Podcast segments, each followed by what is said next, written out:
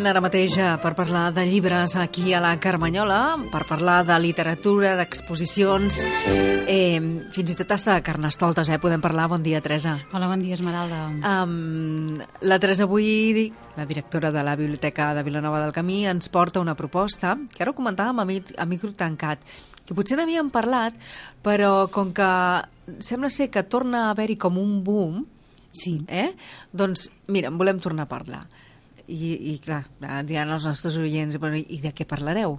Sí, és la gran incògnita, no? doncs parlarem del, dels audiollibres Ahà. amb MP3, A mi MP3. que sí, que l'Esmeralda ara em comentava que, que n'hem parlat alguna altra vegada, però mm, casualment doncs, ara hi ha una sèrie de factors que fan que es torni a posar eh, de moda, d'actualitat.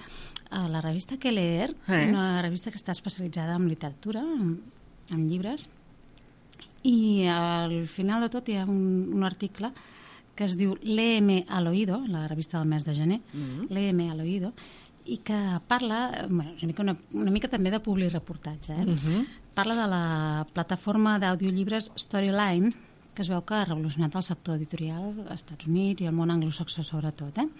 i que ara està arribant aquí. I, de fet, els audiollibres no són novetat, això ja n'hem parlat una vegada. Nosaltres a la biblioteca tenim uns eh, CDs que els poses i, i t'estan llegint un llibre, no? Uh -huh.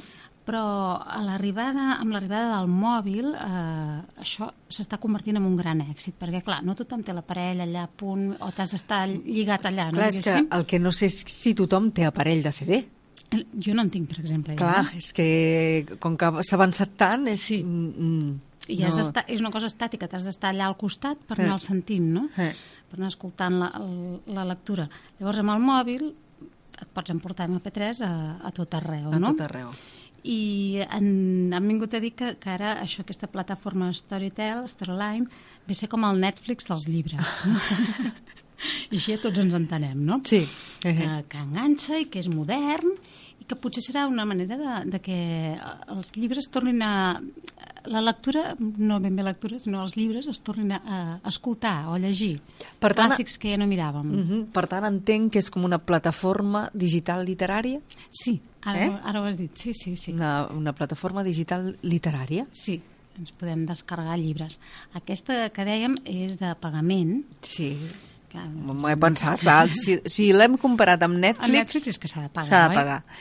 I després nosaltres, a través de la xarxa de biblioteques, eh, n'oferim de gratuïts, a part d'aquests CDs que tenim a la biblioteca físicament. Eh? Uh -huh. mm, o sigui, oferiu aplicacions gratuïtes o oferiu llibres per escoltar en MP3? Llibres per escoltar en MP3, Molt es poden descarregar o escoltar amb streaming també. Eh? Caram. Eh, llavors, això ho trobarem a la pàgina, és un servei virtual que oferim, ho trobem doncs, a la biblioteca virtual.diva.cat, Uh -huh. que sempre la citem, Sí. a la pestanya Coneixements, despleguem i ve- veurem audiollibres en MP3. I allà ens explica que és un servei gratuït per descarregar i per escoltar en streaming eh, audiollibres en MP3 en català i en castellà. Uh -huh.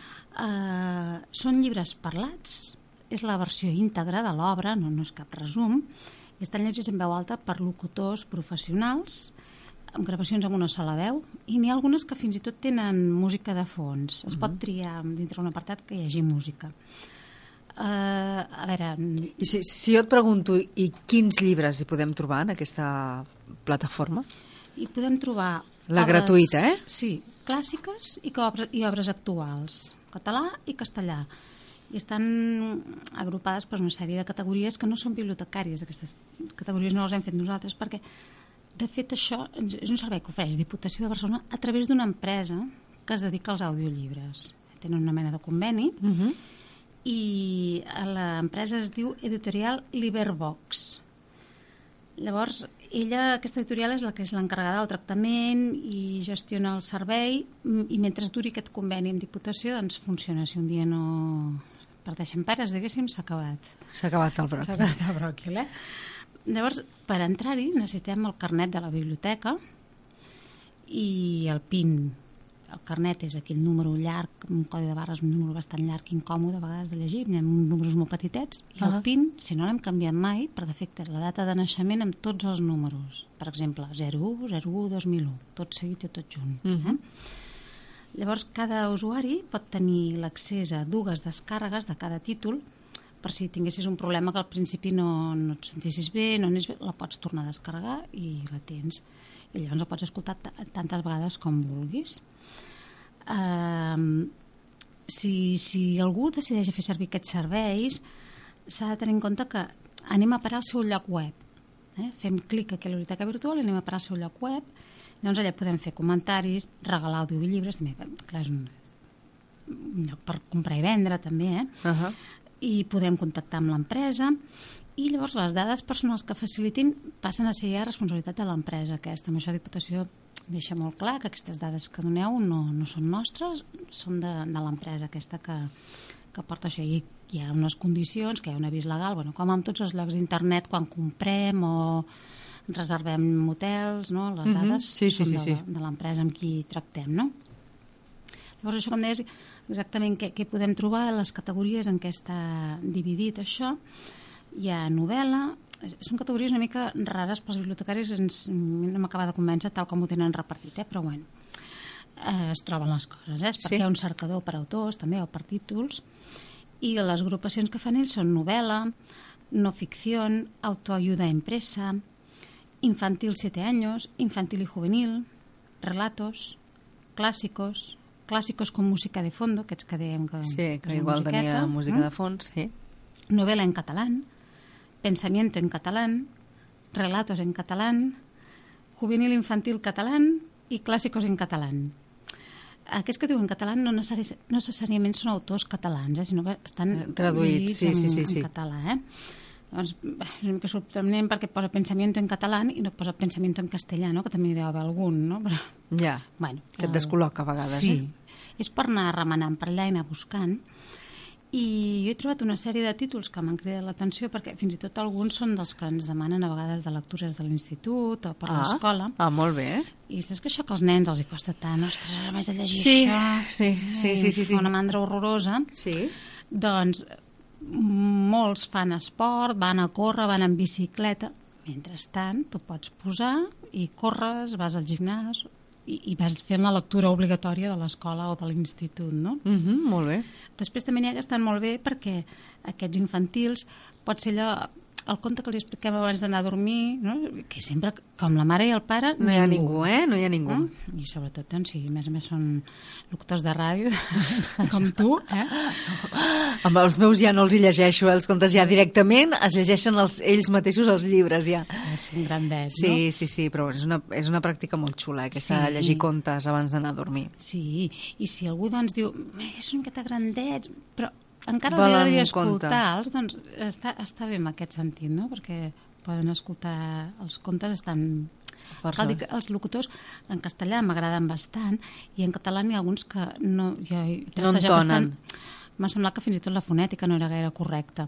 Ostres. Uh, això sí que es poden fer comentaris, eh? Si Ah, diu, molt mm, aquest llibre no m'ha agradat o el locutor ho fa molt malament, es pot posar el comentari, eh?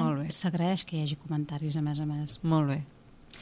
I llavors hi podem trobar doncs, ara clàssics com Èdip Rei, una tragèdia grega del Sòfocles, que a vegades potser fa una mica de ostres, m'haig de llegir per això per l'institut. També hi havia el Don Quijote, Uh -huh. que, mira, potser pel anar escoltant a trossets, eh, si el veiem és Igual un totxo, eh? però no? la Celestina, que la fan llegir a l'institut, um, el Petit Príncep també, que s'ha llegit bastant a les escoles i als instituts, la metamorfosi de Kafka, després aquí he buscat aquest d'autoajuda impresa, a veure què, què hi havia, aquest epígraf em sona una mica estrany, he trobat uh, un llibre que es titula El monje que vendió su Ferrari, del Robin Sharma, que és la història d'un advocat que entra en crisi, una crisi espiritual, Uh -huh. i se'n va fer un viatge a l'Himalaya i doncs, les seves experiències i les seves reflexions, que és un llibre que es llegeix bastant, en paper ens el demanen bastant, Uh -huh. i a vegades està deixat i a llista d'espera, doncs mirem audiollibre també es Doncs sí. Uh -huh. Molt bé.